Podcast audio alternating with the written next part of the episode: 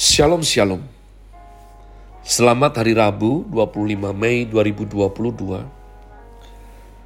Saya pendeta Caleb Hofer Bintor dalam anugerahnya Penuh sukacita sampaikan pesan Tuhan melalui Grace Word yakni suatu program renungan harian yang disusun dengan disiplin kami doakan dengan setia supaya makin dalam kita beroleh pengertian mengenai iman, pengharapan, dan kasih yang terkandung dalam Kristus Yesus. Sungguh besar kerinduan saya bagi saudara sekalian, agar supaya kasih dan kuasa firman Tuhan setiap hari tidak pernah berhenti menjamah hati, menggarap pola pikir dan paling utama hidup kita boleh sungguh berubah menuju Christ likeness.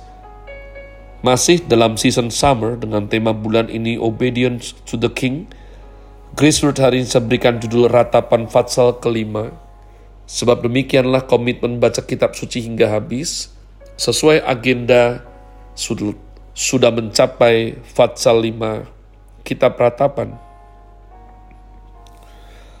Adapun program ini juga di broadcast melalui channel GBI Rock Fluid dengan tajuk Podcast with Jesus.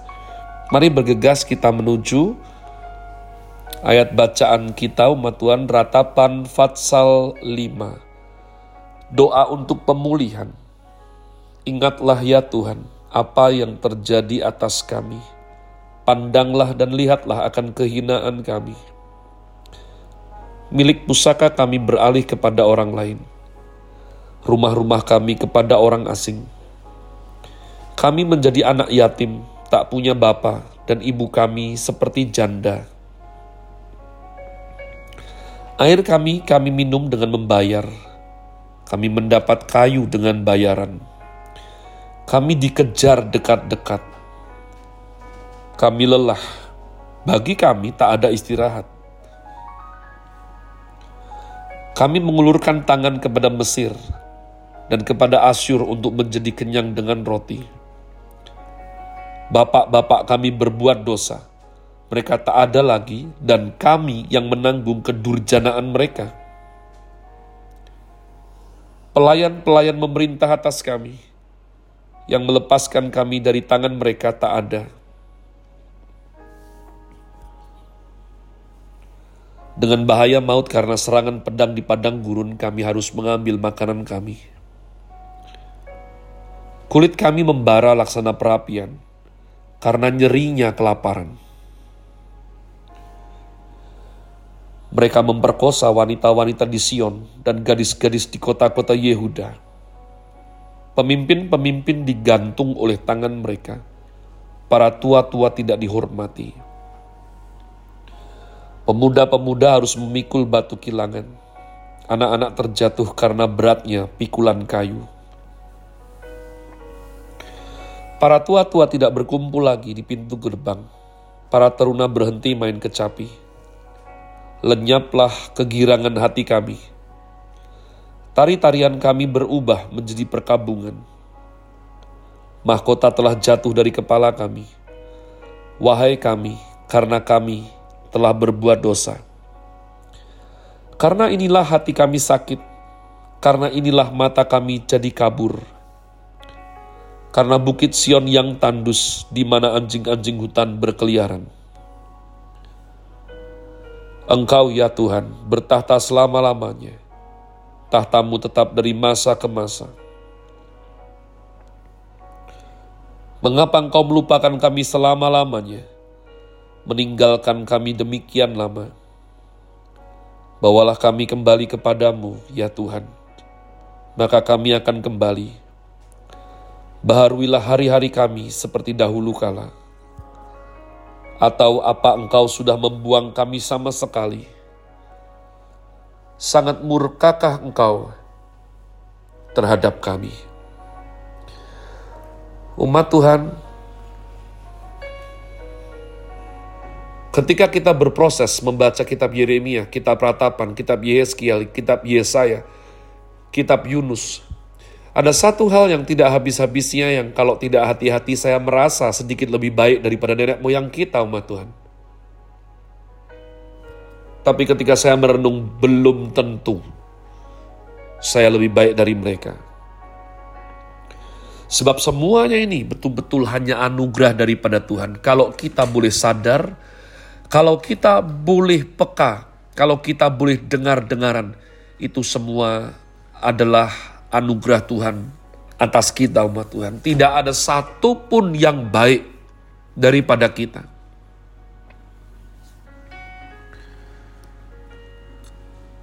Memiliki sejarah panjang dengan kemenangan-kemenangan hebat yang supranatural Israel bertumbuh dengan pilihan yang sangat bodoh. Lepas daripada Raja Daud menuju kejayaan yang hebat sekali dari Raja Salomo. Dan Raja Salomo jatuh dalam berbagai macam penyembahan berhala. Memang tidak berjinah karena tidak perlu berjinah. Dia nikahin semuanya. 700 istri, 300 gundik. Dan tidak cukup Salomo rindu menyenangkan hati mereka. Akibatnya mereka berebutan beribadah kepada ilah mereka masing-masing. Bukannya menuntun mentaklukkan mereka untuk menyembah Allah Yahweh, Allah nenek moyangnya Abraham, Ishak dan Yakub. Salomo dengan hikmat manusia. Mungkin dia berkata, ah hatiku yang penting punya Allah Yahweh. Sudah nggak apa-apa, itu terus merambat merayap. Raja demi raja, makin bodoh, makin tegar tengkuk, makin bebal. Sayangnya mereka tidak memiliki hikmat seperti yang dimiliki Raja Salomo. Tapi mereka mempunyai kebodohan yang dimiliki Raja Salomo. Maka dari nol, from zero to hero, Raja Daud diangkat Tuhan Raja Salomo sampai daripada Israel ditaklukkan Nebukadnezar diperbudak orang-orang Kasdim from hero to zero. Pada waktu kenyataan itu tiba, baru orang bebal, orang bodoh, melihat dengan pahit Umat Tuhan kadang kita ini para pendidik, para orang tua, para gembala itu makan hati, menasehati orang tak kunjung henti. Dan mereka tetap dengan penderian mereka yang keliru. Sampai terjadi sesuatu yang buruk pun kita tidak tega untuk berkata, nah lo, ya. Rasain tidak bisa. Tapi memang itu sesuatu yang sulit sekali ketika dijajah, maka orang paling rendah daripada orang Asyur bisa menginjak kepala bangsawan daripada yang dijajahnya. Putri-putri terhormat diperkosa. Mereka diperbudak sedemikian rupa, balu pahit sekali. Hal yang unik, ratapan ini adalah doa. Siapa? Yeremia Apakah Yeremia itu tegar tengkuk? Tidak. Yeremia adalah hamba Allah sejati. Yeremia tidak melawan Tuhan. Yeremia adalah suara Tuhan terakhir saat itu di bangsa yang masih menyembah berhala, yang masih terus tidak dengar-dengaran. Sampai ditaklukkan pun mereka sudah dibilang Tuhan jangan ke Mesir. Mereka tetap mengulurkan tangan ke Mesir. Padahal Mesir adalah giliran selanjutnya dihancurkan Nebukadnezar setelah Nebukadnezar selesai dengan Israel dan Yehuda.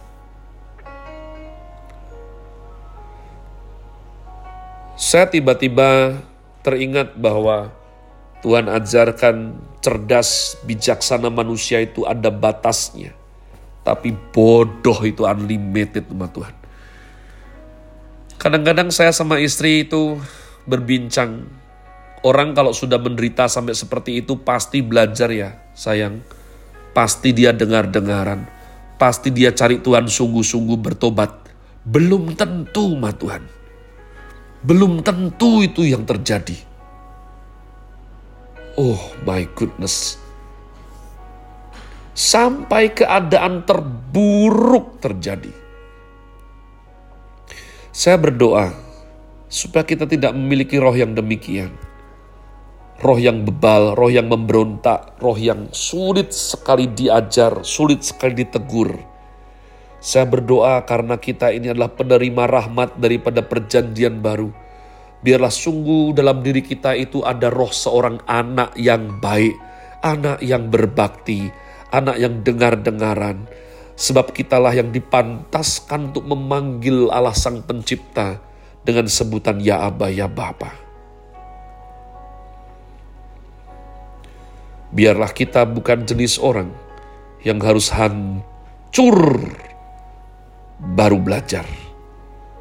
Biarlah kita memiliki kerendahan hati untuk dengar-dengaran dan obedience to the King. Have a nice day. Tuhan Yesus memberkati saudara sekalian. Sola. Grazie.